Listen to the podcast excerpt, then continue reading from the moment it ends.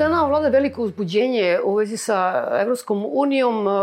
Prvo, ovi velike ove države imaju problem da izaberu predsednika Evropske komisije. Severna Makedonija i Albanija e, su negde stopirane. Edi Rama a, i Zaev prete da će da polude i Makedonci i Albanci. Oni kažu otprilike ako ne budemo uskoro bili kandidati da će rasti desnica u tim zemljama a to je otprilike poruka o, nemoj da poludimo sad opet svi na Balkanu. I naravno mi smo tu kao navodno u malo boljoj poziciji, međutim ovo izveštaj Evropske komisije koji je objavljen nedavno i koji je tako da kažem, već davna prošlost je bio prilično, da kažem, katastrofalan. U mnogim a, elementima je bio jako loš. Prvo je rečeno a, od visokih državnih funkcionera da to nije tako loše, neki čak i zabavlja i, i tako dalje. Međutim, sudeći po nekim postupcima poslednjih dana, izgleda da ih je to ipak na neki način zabrinulo. To je i moj utisak, e, da e, nakon one prve reakcije e, koja je bila i klasično negiranje, dakle to su neke percepcije koje su zamaglile činjenice i tako dalje, onda smo očekivali u prvi mah da se ništa neće dogoditi, da će vlada Srbije u potpunosti da ignoriše to što evropljani kažu. Međutim, nije prošlo ni desetak dana, desilo se da je na jednom javnom skupu e, čak e, Evropskog konventa, jel da, koji je bio u Skupštini, došla čitava prva garnitura države, došao predsednik Vučić, Maja Gojković, ministri i e, svi su tamo govorili stvari koje su očigledno direktna posledica izveštaja Evropske komisije. Pa je, ne znam, Maja Gojković obećala da neće više biti besmislenih amandmana, da neće više biti zakona po hitnoj proceduri, što su direktno stvari prenete iz eh, izveštaja Evropske komisije, pa smo videli recimo da je Skupština posle pet godina uzela da razmatra izveštaje nezavisnih državnih organa. U čitavoj ovoj eh, situaciji gde iz mnogo razloga a, možemo da budemo čak i depresivni, je, je zato što se ništa ne menja u državi, E, ipak neki znak ohrabrenja, ipak znak da, da ima neko koga slušaju. Ako već ne slušaju nas, pa eto, možda možda će slušati i nas ako poruke stignu preko Brisela. Gospodine Šabiću, ovo što je Nemanja pomenuo, a to je da su izveštaji nezavisnih e, tela, pa i vaše izveštaje kao poverenika dok ste bili nisu uopšte razmatrani u Skupštini i Nemanja je sad pomenuo da je bilo rasprave, međutim, To je bio topli zec praktično ponovo. Recimo, gledala sam za fisk, fiskalni savet. Znači, gospodin Petrović je prošao kroz toplog zeca, Tako da mu je ovaj Milojko Arsić, koji inače je predsednik odbora za financije i trošenje javnog sredstva... Veroljub Arsić. On je rekao, otprilike, jel ti voliš Srbiju ili ne voliš Srbiju? Mislim, takvim terminologijom se raspravljalo navodno o izveštaju Fiskalnog saveta. Ma da, naravno, pratio sam i to i ta, te floskule tipa ne voliš Srbiju i slične jeftine diskvalifikacije prelaze sve granice, mislim, da me razumete. Da, ja naravno jako volim Srbiju, ali nikada za nju ne bi lagao posebno ne na njenu štetu. Prema tome ni gospodin Petrović, dakle, kad go radi svoj posao, kad predsednik Fiskalnog saveta upozorava na činjenice koje su notorne i koje, koje pritom potkrepljuje, jeli, ovaj faktima, takve su, takve su observacije u najmanju ruku neukusne. Ali znate kako, to je kod nas definitivno postao manir i što je vrlo zanimljivo, ne vada se toga dotakao. Znate, s jedne strane, to su otprilike e, metodi za unutrašnju upotrebu. Ja sam imao prilike da prođem toplog zeca pod kraj svog mandata sa nizom takvih potpuno nebuloznih optužbi, da li me razumete. Ali ovih dana je na jednom odboru konačno počelo razmatranje, kako nema ne reče, od i izveštaja povrenika, ali nema ni jedne kritike na račun povrenika. Što se sad to desilo s tim neprijateljem koji podrbu ne voli Srbiju, radi za strane službe ili već podr, bukvalno ni jedan zaključak nešto naprotiv, čak preporučuje. Eto, on moli uh, vladu da ima više obzira prema upozorenjima poverenika i tako dalje. Dakle, to je jednostavno sve to što se dešava loše. Imate situaciju u kojoj mesecima neko ko je korektno radi svoj posao u civilnog sektora, koji je zato specializovan, koji ima renome, kako bi rekao, koji prelazi nacionalne granice, poput moji prijatelji iz transparentnosti, ali i drugi ljudi civilnog sektora upozorava uporno neke stvari, to se ignoriše i bagateliše potpuno. I onda stigne nekakav izveštaj iz Evropske komisije koji artikuliše tamo nekakav činovnik ili nekakav funkcionar Evropske komisije i to je, na to se reaguje prvo to je zabavno, to je, to je, jer postoji otprilike ocene, pa znate, to je politički izveštaj, pa znate, nije Evropska unija pevačko društvo. A posle toga ide munjevita reakcija. Sve to ostavlja mučan ucak. Ta, dakle, taj pocenjivački, nedopustivo, nekorektan odnos prema domaćoj pameti i struci, a s druge strane servilan prema, prema nekakvoj stranoj koja ne mora nužno da bude ovaj, ispravna, pogotovo ne bolja od ove domaće, je nešto što postaje naša karakteristika, što je zapravo jako, jako važno. I sada u tom izveštaju pomenuta je jedna stavka o kojoj si ti dosta govorio i pisao za Peščanik, koja je ponovo apostrofirana, a to je pitanje VD statusa. To kad pogledate procente, to je potpuno nenormalno već. Praktično su svi visoki državni funkcioneri ili velika većina su u stvari nekom VD statusu godinama, jel?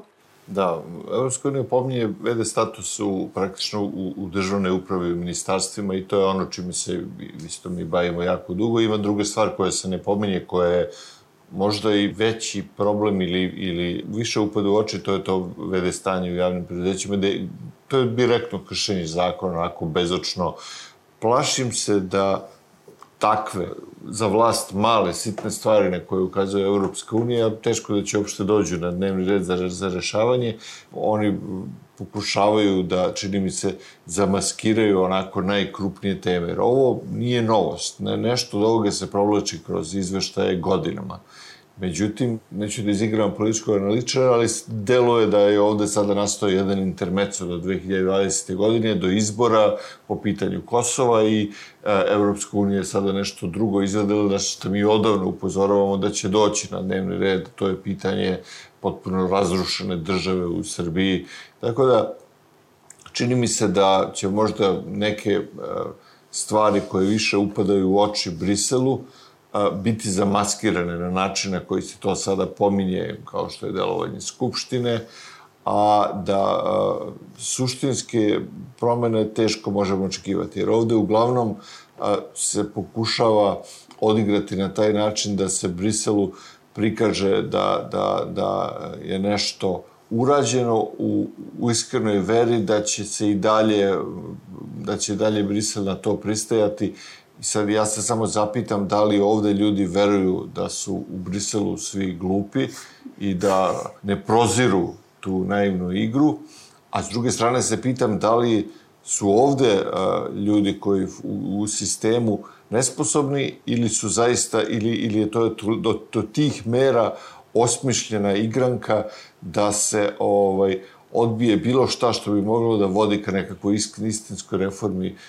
države i društva i da se samo napravi jedna ljuštara.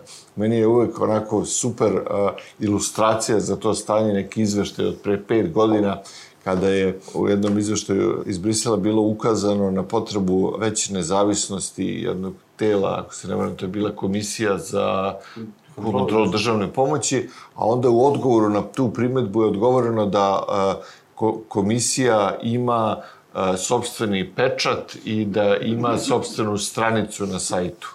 Što nije malo stvar. Da, Veliko stignuće. Tako da, eto, tako ćemo verovatno dobiti ovaj, i ovde reforme po pitanju borbe protiv korupcije. Pečat, pečat se više ne koristi. Posle će samo sajt. A, ja sam sad pomenula ovaj kao primer, ovaj VD stanje, samo ukratko da završimo sa tim, dakle, otprilike kako to ide u javnim preduzećima, kako u ovim visokim funkcijama državnih funkcionera, to zamenici ministra i to, i da li je to, i očigledno jeste, mehanizam da nekoga stalno držiš pod kontrolom. Naravno, tako? naravno, to, to je ono što je poznato ovde, da neko koji uvede stanju može sutra na ovom odlukom biti ovaj, različan postavljen, postavljen neko drugi, to nije naravno ništa što je ova vlast osmislila, to nastavlja i taj rok, ako se ne vrem, 2008. je donet zakon koji je trebalo da do 2010. 2005. a 2010. je poslednji put istekao rok. I od tada je nezakonito. A rok je produžavan od 2005. 7. Znači, da, da, do 2010. Deceniju, da, da. I onda, znači, taj rok. I onda imamo isto, znači, sa javnim preduzećima, da je po zakonu iz 2012. bilo ograničeno na 6 plus 6 meseci. I mi dan danas imamo neke direktore VD direktori javnih preduzeća kojima je poslednji put negde 2013. na šest meseci produžen taj mandat i onda smo imali novi zakon koji je stupio na snagu 2016. gde je bio ograničen na godinu dana i danas znači imamo VD direktore kojima je istekao taj rok od godinu dana i tada je bilo obrazloženje da je to ukupno trajanje, ovaj, međutim onda su se neki dosetili posebno na, na nižem nivou, na lokalu, pa onda na godinu dana smenjuju VD-ove, vrte ih u krug. Tako da imamo ili izigravanje ili potpuno kršenje zakona i to je znači onda stanje uh, pravne države u Srbiji. A koliko je, koliko je u preduzećima ima, ima ovaj... Da, ja, ja sam negde pročitala da, da je u o, 63% visokih funkcionera i 70% u, u direktora javnih preduzeća. Pa. Taj sam tako, je li tako ne? Bilo oko se, da, da, mi, mi trenutno radimo jedno istraživanje da smo obuhvatili 13 preduzeća u državnom vlasništvu, od tih 13, koliko smo našli? Tri, valjda, direktora koji su imenovani po konkursu. Da, znači, tako. Ali da bi slika bila kompletna, mislim, da. E, to treba naglasiti. Dakle, počeli smo s tim izveštajem Evropske komisije. I ta priča o poglavi 23 i 24 će vremenom biti sve neprijatnija. Sve znate, dok smo mi na terenu toga da li mi donosimo neki propis ili ne, pa to obezbeđuje nekakvu štriku tamo kod nekog činovnika, to će još kako tako i da funkcioniše, mada i to sve teže. Ali m, kako proces ide, razgovor se sve više sere dakle, na realni teren, dakle, kako se to što bi trebalo da evropski standard primenjuje u Srbiji, da li tu uopšte živi. Tu će problema biti dramatično. Ovo čemu je Zlatko govorio i ovo e, vaše pitanje, su dakle to vede stanje, a zapravo stanje provizorija je logična konsekvenca načina na koji se vlada ovom zemlja. Ova zemlja ne funkcioniše u skladu sa zakonima, nego u skladu sa nekčijom voljom. Sve je ovo logična konsekvenca. Evo da se preselimo na drugi teren koji je meni bliži nego, nego mojim prijateljima iz transparentnosti. Ja sam radio na terenu zaštite ljudskih prava. I sad pogledajte recimo ovako vi imate instituciju zaštitnika građana. Zaštitnik građana treba da ima po zakonu četiri zamenika. Trenutno nema ni jedno. Poverenik treba da postoji, treba da ima dva zamenika, trenutno je u kući jedan zamenik. Famozni REM, godinama funkcioniše u jednom sastavu koji je gotovo karikaturovan. Da ne pričam kako funkcioniše, ali sastav je triko. Zato što to njih u osnovi uopšte ne zanima. Dakle, ako treba obezbediti sinekuru ili plasirati nekog ko će tamo da igra ulogu kakva se želi, to još i može da se uradi. A ako ne, pa sta, ako ombudsmanu ne treba nijedan zamenik, to je saj, prosto ne... I to treba mesecima. Parlamentarni odbor za ljudska prava mesecima nema predsednika.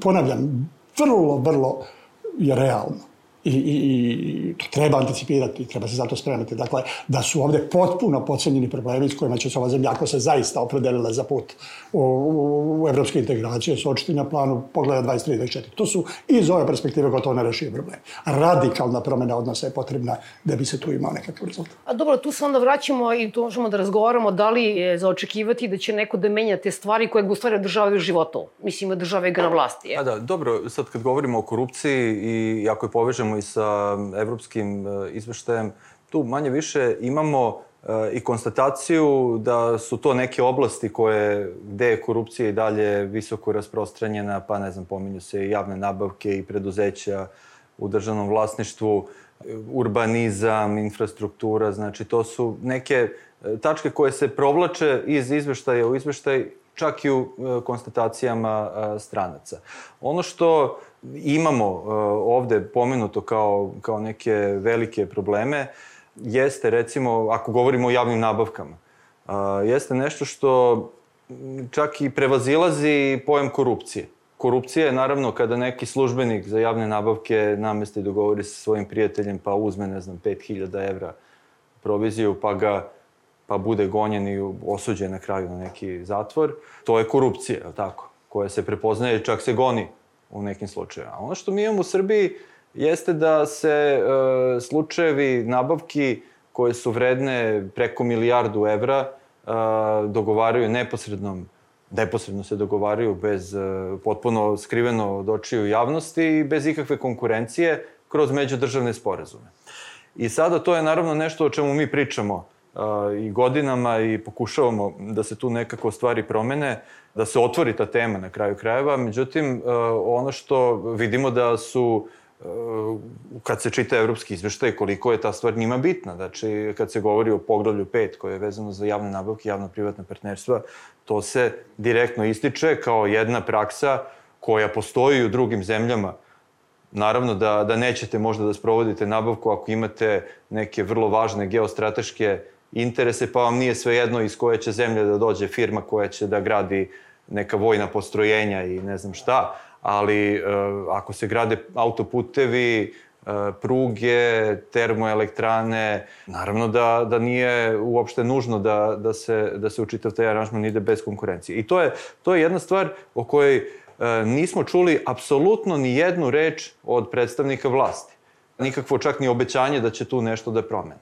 Kad je reč o, i o izveštaju, imamo konstatacije recimo da Srbija uopšte nema praktično način kroz koji meri efekat toga što radi na polju borbe protiv korupcije. Znači sad, evo, pomenuto je ovde da li će biti lupljena neka štrikla, da je donet neki zakon da je urađeno ovo ili ono, ali ovo je jedno suočavanje da evo, ne znam, pet godina je bila strategija za borbu protiv korupcije i sada jednostavno konstatuje se ne samo da te stvari što su zapisane tamo nisu urađene, nego da se čak i ne meri na odgovarajući način uspešnost. Onda imamo statistiku gonjenja krivičnih dela i tu se ponavlja naravno ona konstatacija kako ovaj, kako nema okončanih slučajeva korupcije na visokom nivou, nema pravosažnih presuda za to.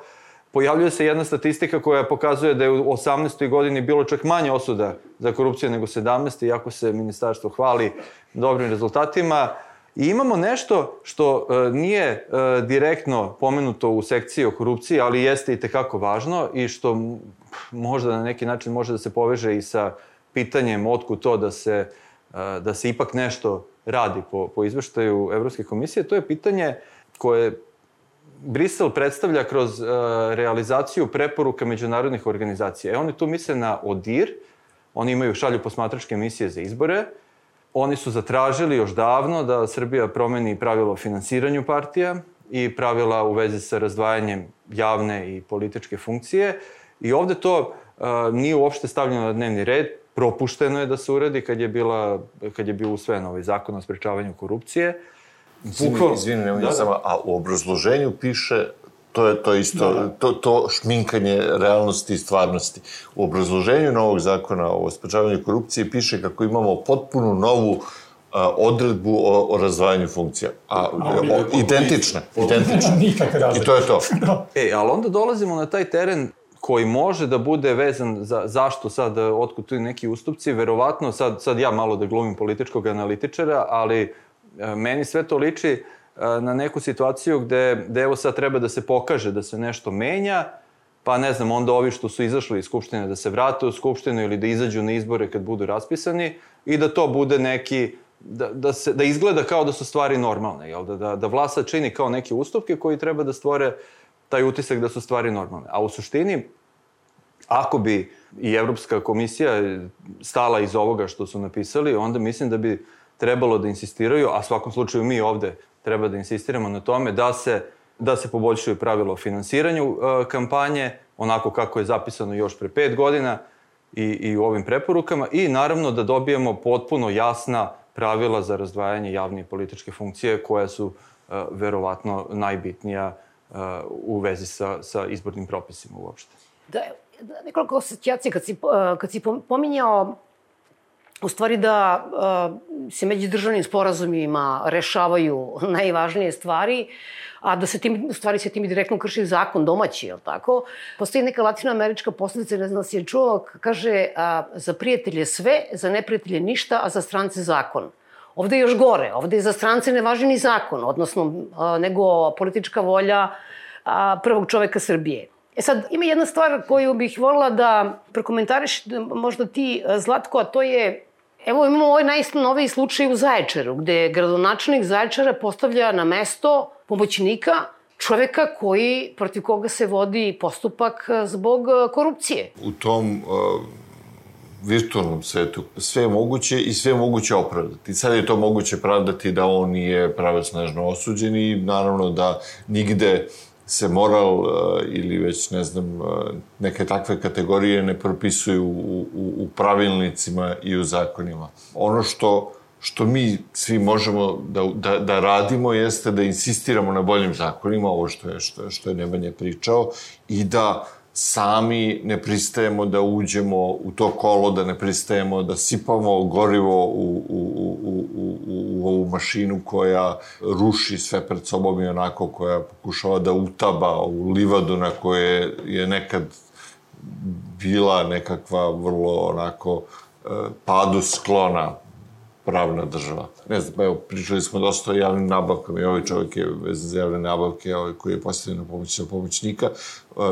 Stvari se mogu postaviti kvalitetnije, mogu se regulisati, propisati načini od elektronskih nabavki pa dalje, kako da se spreči korupcija, kako da se lakše otkrije ta direktna korupcija koju je Nemanje pominjao u javnim nabavkama. Čak se može sprečiti kako da se postavljaju tehnički uslovi koji će pogodovati jednim time što će se propisati da kod nekih većih javnih nabavki. To je kao auto čačaka ovaj, kad iznajmljuje kola. Mora da ima pepeljare, specifično, da ima zavesice. Imali smo takve slučaje, EPS je nabavljao ono auto sa, sa zvučnicima na sva četiri, ovaj, sa, sa sivim velurom. Ali si, to prepisiva, prepisivanje iz, ovaj, iz te tehničke, tehničke specifikacije. Ali šta je problem? Kad se tako nešto desi, mi svi možemo da ukažemo, mediji, malo da, u stvari, portali će da, da objave vest o tome, a niko se ne žali. I to je suština, nemamo konkurenciju. A zašto nemamo konkurenciju? Zato što izlazimo iz domena dobrog ili lošeg zakona i primene dobrog ili lošeg zakona i prelazimo u čist krivični zakonik, odnosno dolazimo u iznude i pretnje i znači ne može, ti nećeš učestvovati Nemanja na ovoj javnoj nabavci, ti se nećeš žaliti, a mi ćemo te se setiti. Da. E, mene su pričali ljudi, ovaj, učestvovali su na javnoj nabavci koja je raspisana u nekoj, nekoj opštini, procenili otprilike koja je minimalna ponuda koju mogu da daju, očajnički im je trebalo da dobiju posao i to je otprilike bilo tačno polovina procenjene vrednosti. I oni su izašli sa tom cenom, pojavilo se dva druga ponuđača koji su išli otprilike dinar ispod procenjene vrednosti i onda, pošto nisu mogli da im nađu bilo kakvu ovaj, eh, eh, proceduralnu grešku, onda su se na kraju, pod navodnicima, dogovorili sa, sa direktorom da on povuče svoju nabavku, to je bilo pre nekoliko godina, sada padaju na nos od posla, dobijaju poslove, i, ovaj, i srećni su i zadovoljni. I sad, znači, ja ne mogu da se borim u njihovo ime, da se zaustavi to, to ukleto kolo. Znači, možeš da progovoriš, možeš da, i, i kada bi mnogo njih ili mnogo nas progovorilo u isto vreme o tome šta se dešava, a ljudi znaju, onda bi mogao, mogao da se načne taj sistem. A ovako, do tad možemo samo da insistiramo da se poboljšavaju zakoni i postavljaju nekakve procedure koje će jednog dana važiti. Gospodine Šaviću, uh, htela sam dve stvari. Jedno je naravno ovaj izbor, odnosno već ova trka za uh, vašeg naslednika, tako da kažem, koja kasne i koja možda isto da se objasni ovome što je Nemanja govorio, a to da im je to bilo relativno lako da malo odobrovolje Evropsku uniju, pa evo Maja Gojković će da se seti da postoji poslovnik, pa evo mogli bismo možda da izaberemo poverenika, pogotovo kada su nevladine organizacije, među kojima je transparentnost i mnogi drugi, izašli sa predlogom da a, vaša saradnica, odnosno žena koja već tamo radi 10 godina da bude kandidat, onda Imperija uzvratila udarac i već smo dobili protiv kandidata za to, za to mesto. I da ne zaboravimo onaj, uh, ono o čemu smo govorili, ali mislim da vredno podsjetiti na intencije koje su bile uh, katastrofalne u onim uh, predlozima izmene zakona o informacijama od javnog značaja, Tako da, eto, uh, recite mi šta sad smatrate da su tu najvažnije stvari uh, u vezi do vašeg domena? Evo kad počnemo sa ovim drugim pitanjem, ovaj, bila je prilično perfidno, jeli, objašnjavana objektivno postojećim razlozima za, za promenu. Nije da nije bilo razloga da se on učini još kvalitetniji. Pošlo je 14 godina od kada je donet, kontekst društveni se menja, sve se menja, pa se sigurno mogao popraviti. Međutim, ono što je predloženo nema nikakve veze sa popravljanjem. Naprotiv, to je, dve ideje su bile gotovo kastracija zakona.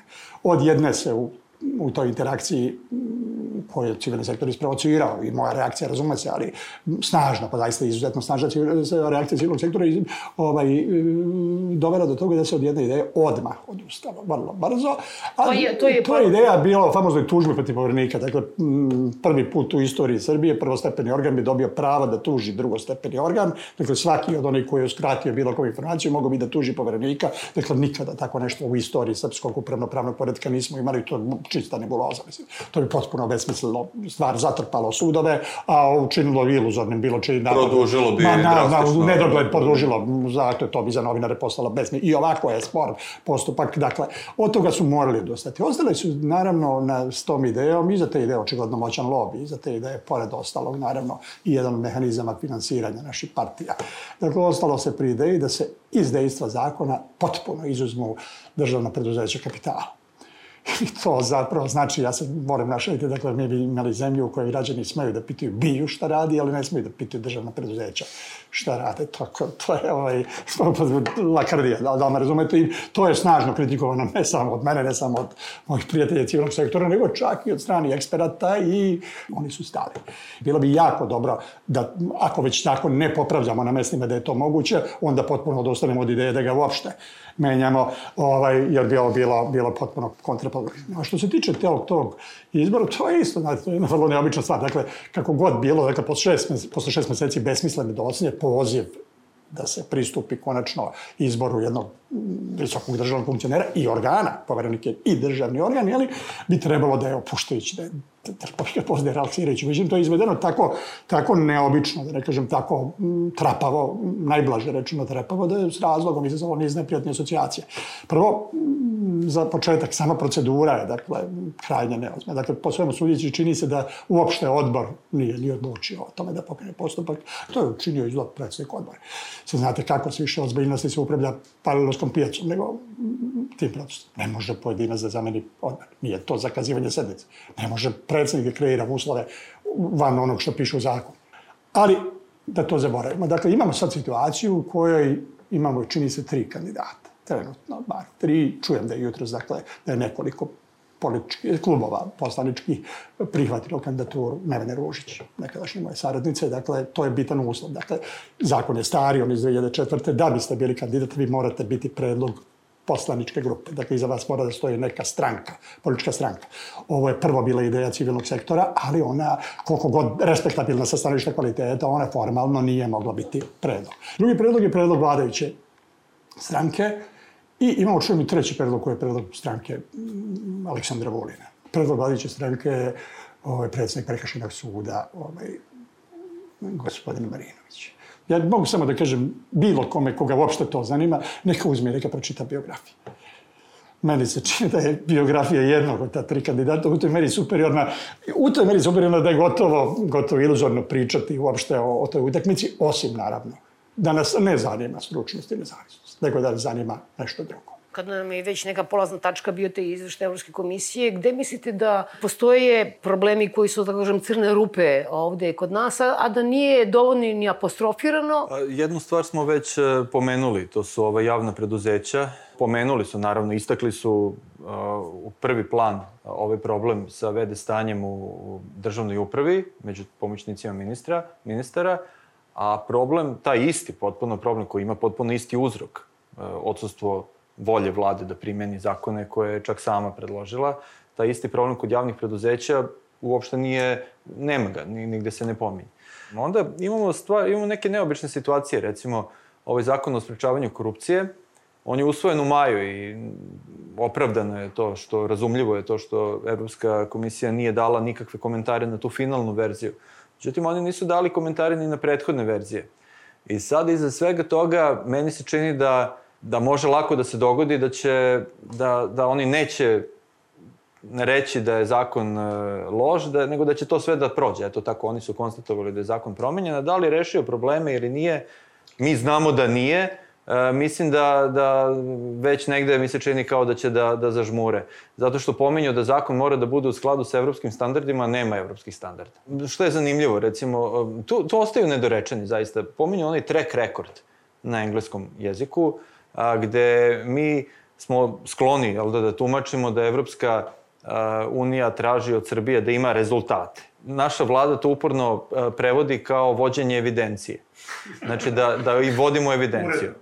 E sada, ovaj, i, i mi smo skloni to naravno da ismejemo takav, takav pristup vlade i takve prevode. Međutim, moram da vam kažem da ja nisam nikada načisto šta oni zaista traže i da li, jer ni sama Evropska unija nije spremna da precizira neke ciljeve i šta onda može da nam se desi, da jednog dana 2000, ne znam, 25. 35. kad god, bude uhapšen neki Sanader i da, i da oni kažu, jao, super, evo, Srbija goni korupciju na visokom nivou, a da ko zna koliko je jel da takvih jel sanadera e, prošlo. Jedino pravo rešenje je zahtevati ako ako hoće nešto da traži za naše dobro, da traže da se makar svi oni slučajevi koji su poznati e, razreše do kraja i da tu nema nikakvog e, izuzetka, da to bude nekakav nekakav pravi pristup. Ima, ima dosta stvari koje su oni mogli da pomenu, hvala im na ovome što su pomenuli, ovaj, mislim da će da, da koristi, ali ovaj, eto, ako na nečemu budu želeli da, da insistiraju, ako nas slušaju, onda je to pre svega ova preporuka koju su sami dali i da insistiraju na tome da se što pre e, reguliše pitanje razdvajanja javne funkcije od e, onoga što je čisto stranačka aktivnost i da se poboljšaju ta pravila o finansiranju izborne kampanje i naravno da, da se insistira na tome da Agencija za boru protiv korupcije i REM zaista rade svoj e, posao e, nadzora, jer bez svega toga teško da, da možemo da uđemo u, neki, u neku normalnu situaciju i, i, ovaj, i uspostavljanje na kraju krajeva pravne države u punom smislu.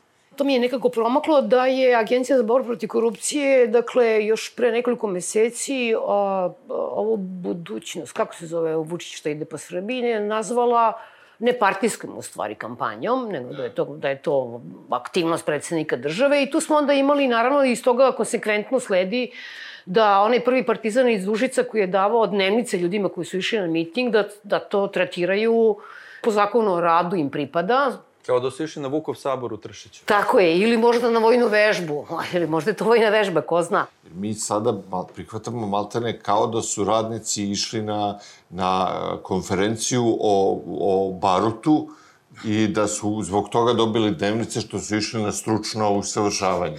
Ja ne znam šta će oni ni na saboru u Tršiću, ni na predsednikovom mitingu, jer stvarno mi nije jasno. Ja ne razumem, iskreno govoreći, ni koncept radničkih sportskih igara koje se plaćaju u, u državnim firmama, a ne plaćaju se u privatnim, a kamoli odlazak na nekakve skupove gde sad se pojavi bilo ko, predsednik države ili predsednik mesne zajednice i priča o rešavanju pitanja Kosova ili o izgradnji vodovoda u, u selu. Šta će tamo zaposleni iz neke državne firme? A, ako nisu javno komunalno predeće koje će da gradi vodovod? Ili, ne znam, možda će ovi da proizvode oružje da idemo da vratimo Kosovo, kome on priča ovaj, pa da čuju kakvo oružje treba da proizvedu. To je jedna stvar u, u tom absurdistanu ovaj, ovdašnjem, a Druga stvar, da se vratim na ovo tvoje prethodno pitanje, gde je sad tu Brisel i gde smo mi u odnosu na sve to. Oni ne mogu da rešavaju naše praktične nelogičnosti i absurde. Oni gledaju propise i ukazuju kako se ti propisi sprovode ili se ne sprovode. I mi sad ovde imamo po pitanju tih nekih nezavisnih dela, po pitanju Rema, koji je, o, to, je, to je već doseglo neverovatne razmere, to koliko oni ne rade i to koliko se zloupotrebljava Rem za političke obračune. Onda upotreba policije i MUPA u nekakvim političkim obračunima, saopštenjima, gde se oni svađaju sa pojedincima ili sa političkim grupama koji nešto izjave. A, mi smo do, došli dotle da je to već neverovatno. Imamo direktora Agencije za borbu protiv korupcije koji na, na jednom skupu gde se priča o izradi lokalnih antikorupskih planova i da neko od učesnika konstatuje da Beograd nije krenuo to da radi, počinje da brani i da tvrdi kako je on siguran da će Beograd da uradi izvanredan plan. Umesto da ih prekori zbog toga što ništa nisu uradili. Kuvale su se ta nezavisna tela ko, ko žabe i nisu ni primetili, mi nismo primetili da su kuvane i pečene.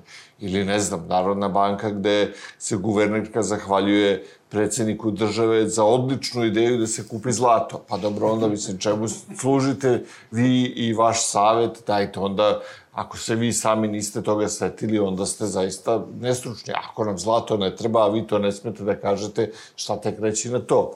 E sad, naravno, te neke stvari se rade za, za unutrašnju upotrebu, a za medije, za, za predstavljanje kako predsednik rešava sve i taj vodovod u mesnoj zajednici i kupovinu zlatnih rezervi i nabavit će helikoptere iz Rusije i barut iz, iz prvog partizana da idemo da, da branimo Kosovo kad krene Haradina i da osvaja sever, a ovaj, s druge strane se koliko toliko zadržava formalno ta neka procedura da će tamo Ana Brnebić ili potpredsednik vlade da potpiše ipak na kraju neku odluku i onda šta sad, ne može Evropska unija da komentariše šta se dešava u medijima u Srbiji. A to kakvo je stanje u medijima ili kakvo je stanje u, u pravosuđu, oni mogu da konstatuju, pa da se ovde onda tvrdi da je to politička ocena, jer vidite kako su na dobri zakoni, ali to se opet neće rešiti dok ono što sam rekao, iznutra neko u policiji, kao što sad čitamo ovaj intervju Milovićev,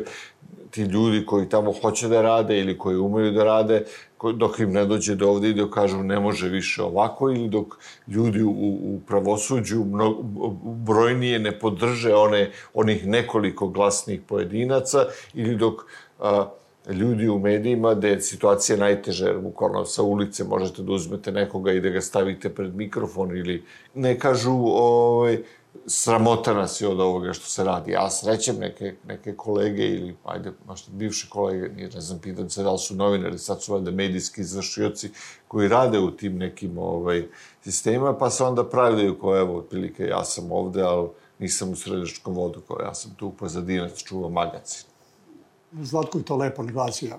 Mislim, nije problem samo tome da nezavisna kontrolna tijela ne rade svoj posao, a zaista je nekad više nego evidentno problem je nekad i kad ga rade na jedan vrlo specifičan način. Evo, recimo, ja sam otišao sa, sa državne funkcije i desi se angažman u okviru toga, pa ovde ovi moji prijatelji, ovde Transparencija Srbije dođe i kaže da li bi ti bio konsultant u vezi sa pripremom nekih propisa i predavač na, na nekakvim predavanjima koje mi organizujemo za novac. I ja kažem, naravno, i sa zadovoljstvom. Ali ja sam bivši funkcioner, zakon me obavezuje da zatražim saglasnost od Agencije za borbu protiv korupcije i ja to uradim. I sad pogledajte, agencija ovaj, meni zabrani. Agencija za borbu protiv korupcije meni zabranjuje da za račun članice globalne antikorupcijske mreže Transparency International držim predavanje. Sramota me da to objasnim nekom strancu. Dakle, evo, sebi sam dozvolio da budem ličan, ali ako ćemo to tako raditi, dok prolaze bugarski grafolozi, tetke iz Kanade, pare s Devičanski ostrava, da više ne pričamo ugovori HPK Engineering i slične stvari, pa to je zaista, zaista ovaj, nonsens. Pratimo ovo što Transparentnost radi, u osnovnom, pogotovo vas dvojice pišete nekad za Peščanik, ali pripremajući se za ovu emisiju, pročitala sam mnogo više nego inače Ja ne znam kako vi uspevate, to izgleda strašno beznadežno. Je li ima nekog svetla na kraju tunela ili što bi neko rekao, ili to voz koji ide u vašem pravcu? Dodik i Vučić na kraju tunela. Ta beznadežnost je uvek bila neki sastavni deo deo posla, pa onda tek e, retros, retrospektivno kad se pogleda ovako puno godina nazad, vidi se da, da smo nešto i uradili, da su se neke stvari promenile. Češće, kažem, zato što je neko tamo u Briselu ili negde drugde čuo to što pričamo, pa, pa je preko njihovih uh, usta došlo i do ušiju naših vlastodržaca da, da nešto moraju da promene. Nije potpuno beznadežno, to, to sam teo da kažem, a drugo, uh, vrlo je važno, i tu negde gubimo konce, ja ne znam Zlatko kako se ti snalaziš, ali ranije, sećam se godinama da smo se sećali svih nepodopština, ali sa, al, sad, toliko se namnožilo toga da, da zaista ponekada kad uđem na naš sajt, pa pogledam nešto od pre dve godine, kažem stvarno da smo mi ovo pisali uopšte komentarisali, ja se ovoga više ne sećam. Negde postoji nada da, da, da mora da se e, vrati na neki, na neki nivo gde bi komunikacija bila normalna stvar. I sve negde očekujemo da će to da se desi e, jednog dana, zato što ne verujem da može da bude e, održivo na dugi rok da, da te komunikacije nema. Eto, to je To je negde moje razmišljanje. Sad možda i grešim, ali... Druga, druga stvar je što u strukturi negde države ipak su zadržali neki ljudi koji su otvoreni, koji prepoznaju uh, to što radimo, kojima koristi to koji što radimo. žele da budu normalni. I koji žele da budu normalni i na lokalu posebno i, i, i onda te stvari koje radimo, bar znamo da radimo za njih. To što e, nešto od toga neće, neke, neki naši predlozi neće ući u zakone, neće biti promenjeni, neće se promeniti loše prakse neke na, na, na najvišem nivou, je frustrirajuće i to se najviše vidi. Mi se o tome oglašavamo, mi to ponavljamo stalno, ali negde dole ispod površine neke stvari site uspemo da promenimo i onda ponekad čujemo komentare, pa džaba vam to, a gore prolaze milijarde. Pa nije džaba, nešto bar te male korake da uradimo, bar da pripremimo nekakve osnove za... Nisu za to nekakvu... mali koraci. Evo, ja, ja važem za čovjeke koji vole koristi citate. Ja ću sad da kažem da prvi je, znate, jako mnogo stvari su izgledale nemoguće dok neko nije pokušao da ih uradi. A drugi je onaj čuveni, ovaj, ko se bori, može da izgubi. Ali ko se ne bori, već je izgubio. Mi smo zemlja u kojoj je sud oslobodio državnog funkcionera zbog toga što je bio u pravnoj zabludi. Da sad ne zamaram auditoriju, ali to je naučna fantastika. Zamislite državnog funkcionera koji je plaćen i izabran da bi primjenjivao zakon, koji se na sudu uspešno odbrani tim da on nije znao za zakon. To je naučna fantastika. Tako da koga god zaustavi saobraćajac, treba reći da ne znate šta u stvari ovaj, Ne, ja nisam znači znači. za zakon. zakon o bezbednosti saobraćaja.